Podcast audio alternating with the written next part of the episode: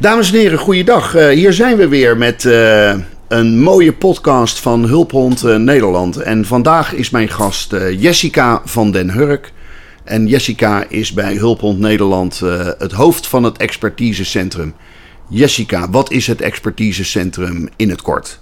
Ja, het expertisecentrum uh, houdt zich bezig met een aantal uh, pijlers. En een van die pijlers uh, is het doen van onderzoek. En dan met name ook met, met, goede partijen daarbij. Dus daar proberen we echt nadrukkelijk de samenwerking mee te zoeken. Nou, dat is, dat is fantastisch dat dat gebeurt. Ehm, wij gaan het vandaag over drie onderzoeken hebben. En we beginnen met het onderzoek naar de effectiviteit van uh, hulphonden bij epilepsie. Ja. Kun je daar wat over vertellen? Zeker. Uh, nou, dat is een, een, onderzoek wat zich, uh, je zegt het al, uh, richt op de effectiviteit van de hulphond. het is zo dat het ook vooral gericht is op mensen met nou ja, een, behoorlijke zware vorm van epilepsie. Dus wat is de rol van, van de hond? Maar vooral ook wat zijn de kosten en kostenbesparingen die de inzet van zo'n hond met zich meebrengen. En, en met wie werken wij allemaal samen voor dit onderzoek? Ja, het is een onderzoek wat eh, gedaan wordt in opdracht van uh, het ministerie van Volksgezondheid, Welzijn en Sport. En de Erasmus Universiteit is degene die het, het onderzoek leidt, dus ook de onderzoekers levert. Um, ja, en de rol van Hulphond is dat wij faciliteren. Dus wij leveren de honden, zeg maar, ten behoeve van het onderzoek. En we doen dat met allerlei partners. Hè? Dus we ontmoeten daar ook partners vanuit het epilepsiewerkveld. Ik denk aan De epilepsievereniging Vereniging Nederland, uh, Kempenhagen.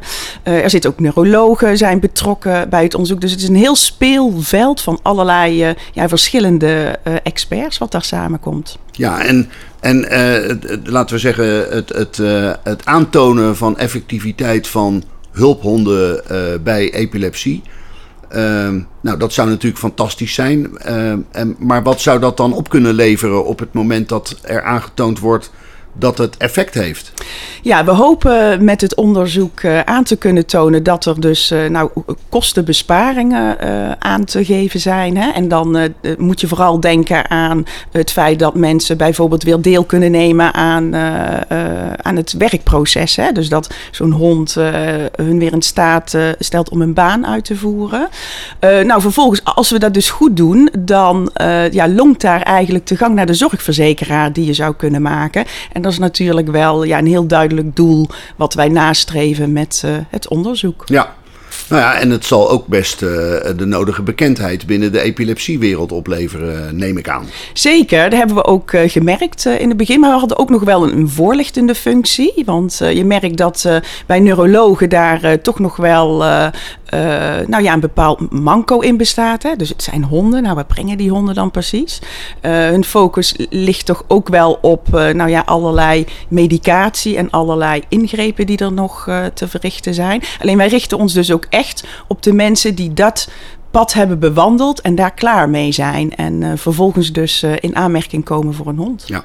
Uh, wat, uh, wat uiteraard in het onderzoek heel belangrijk is, dat is juist het aangeven uh, door de hond dat er een aanval aankomt. Uh, ik neem aan dat dat een van de belangrijkste onderwerpen van het onderzoek is. Ja, dat klopt. Uh, dus het stukje wat de hond, of waar de hond voor getraind uh, wordt, is dus um, op het moment dat iemand een aanval krijgt om die persoon dan in veiligheid te brengen. Dus dat kan zijn door het aanreiken van medicatie of in een stabiele ligging brengen. Maar dat is een stuk waar het onderzoek naar gaat kijken. En dan wordt de deelnemer wordt gevolgd in de periode um, zonder hond. En dan een periode uh, met de training van de hond. En vervolgens het leven nou, met hond. En uh, ja, de verschillen daartussen zijn dus uh, van belang in het onderzoek. Ja, nou, dat, uh, dat uh, snap ik. Uh, in welke fase begint, bevindt het onderzoek zich op dit moment? Ja, we zijn nu gestart, hè, dus met het monitoren van die eerste periode. Hè, dus het leven zonder hond. Um, en vervolgens is er ook allerlei informatie verzameld omtrent aanvallen. Hè, dus frequentie, duur, hersteltijd. Er is zelfs een speciale app voor ontwikkeld. En ja, die dataverzameling die is per 1 september is dat van start gegaan. Mooi. Nou, dus, uh, dus dat is een fantastische ontwikkeling uh, uh, op het gebied van onderzoek binnen Stichting Hulphond Nederland. Zeker, ja. Dan gaan we over naar het, het tweede onderzoek, want we zijn niet met één onderzoek bezig, maar met drie. Dus nummer twee is de effectiviteit van hulphonden bij mensen met een posttraumatisch stresssyndroom. Ja, klopt. wat kun je daarover vertellen? Ja, uh, het, onderzoek met de PTSS-hulphonden is een uh, samenwerking uh, met de Universiteit van Utrecht, en ministerie van Defensie. En ja, het belangrijkste element wat we daar onderzoeken is um, dat we eigenlijk meer inzicht willen in wat de rol van zo'n PTSS-hond is in relatie tot um, nou ja, de PTSS die de deelnemer dus heeft of waar die aan leidt. En ja, daar is nog heel veel over te ontdekken, want algemeen algemene aanname is dat, of wij horen natuurlijk vaak van, goh, die hond heeft uh, mijn leven teruggegeven. En uh, er is eigenlijk nog niet eerder vastgesteld of dat ook fysiek meetbaar is. En dat doen we met uh, dit onderzoek. En vervolgens meten we ook het welzijn van de hond. Dus in hoeverre zitten daar risico's aan verbonden. Dat is waar het onderzoek zich op richt. Ja. ja, want ik zou, ik zou me kunnen voorstellen dat als zo'n hond uh, eh, 24 uur per dag, 7 dagen per week uh, bij iemand met een posttraumatisch stresssyndroom is, dat dat, dat ook effect voor de hond kan hebben. En ik begrijp altijd dat het welzijn van de dieren, van de honden, bij Hulphond Nederland op hetzelfde niveau staat als het welzijn van de mensen. Uh, dus het is heel goed dat er ook onderzoek gedaan wordt naar het welzijn van de hond in deze. Zeker, en dat is, daarom was het ook voor ons belangrijk om hier uh, ja, onze medewerking aan te uh, verlenen. Zodat je ook ja, een betere inschatting kan maken van die welzijnsrisico's. Hè? Dus in hoeverre kun je daarin sturen? Hoe kun je onze honden daar nog beter op voorbereiden? Zodat ze ook echt ja, goed beslagen ten ijs komen om hun rol ja, in het werkveld van het PTSS-gebied te kunnen dragen en goed uit te voeren. Ja. En je zei dat uh, het, het, ministerie van Defensie ook bij dit onderzoek uh, betrokken is. Wat ja. is hun rol uh, hierin? Nou, zij dragen het onderzoek een warm hart toe en volgen het ook nauwgezet. Dus daar is veel belangstelling voor. En dat heeft te maken met het stukje wat natuurlijk ook leeft onder veteranen. Hè? PTSS is een, een aandoening die onder veteranen nou veel voorkomt. Ik denk dat ik het daarmee niet overdrijf. Um, dus ze hebben daar belangstelling voor. Uh, wat zouden we daar nog uh, in kunnen betekenen? En hoe zouden we daar mensen nog ja, beter in kunnen helpen? En ja, het fenomeen hulphond is daar een, een mogelijkheid voor. Nou, dat is, dat is natuurlijk fantastisch op het moment dat ook dit onderzoek uh, tot een goed eind gebracht wordt, dat er ook goede conclusies uitgetrokken worden. In welk, uh, in welk stadium uh, bevindt dit onderzoek zich? Ja, we zitten nu echt midden in de meetrondes. Hè? En één zo'n meetronde die bestaat dus echt uit dat mensen een bloeddruk moeten meten, activiteit meten, dus door middel van een polshorloge. Um, nou, die meetrondes die lopen vanaf 2019, begin dit jaar. En we hebben nu zo'n 25 deelnemers ja, geïncludeerd zeg je dan eh, binnen zo'n onderzoek. En ehm, ja, daar zijn we druk eh, mee bezig. En, en op wat voor manier worden de honden uh, gevolgd en gemeten, zeg maar? Ja, daar zijn dus ook verschillende uh, meetinstrumenten die worden gebruikt. Hè. Dus uh, we gebruiken haarsamples van honden. En daar zit, dat gebeurt ook op gezette tijden. en we verzamelen speekselmonsters. Um, en vervolgens onderwerpen we de deelnemer ook aan een vragenlijst. Hè. En dat is een vragenlijst die ook het welzijn, dus de beleving van welzijn betreft maar ook hun slaappatroon, hun band uh, met de hond. En uh, nou, dat zijn zeg maar de elementen die we ja, daarvoor uh, gebruiken. Nou, dat klinkt allemaal fantastisch, Jessica. dit tweede onderzoek met de Universiteit van Utrecht naar de effectiviteit van hulphonden bij mensen met een posttraumatisch stresssyndroom. Uh, dan hebben we nog een onderzoek, dus er zijn er drie. En ik begreep dat het derde onderzoek dat dat te maken heeft met uh, de effectiviteit van uh, dieren, van hulphonden, van honden bij uh, jeugdzorg, bij kinderen met gedragsstoornissen. Dat is een activiteit die Hulphond in 2012 is gestart. Ja. Ik begrijp dat er inmiddels op 15 locaties met jeugdzorg en jeugd-GGZ-instellingen wordt gewerkt. Met therapeuten die in al die locaties werkzaam zijn.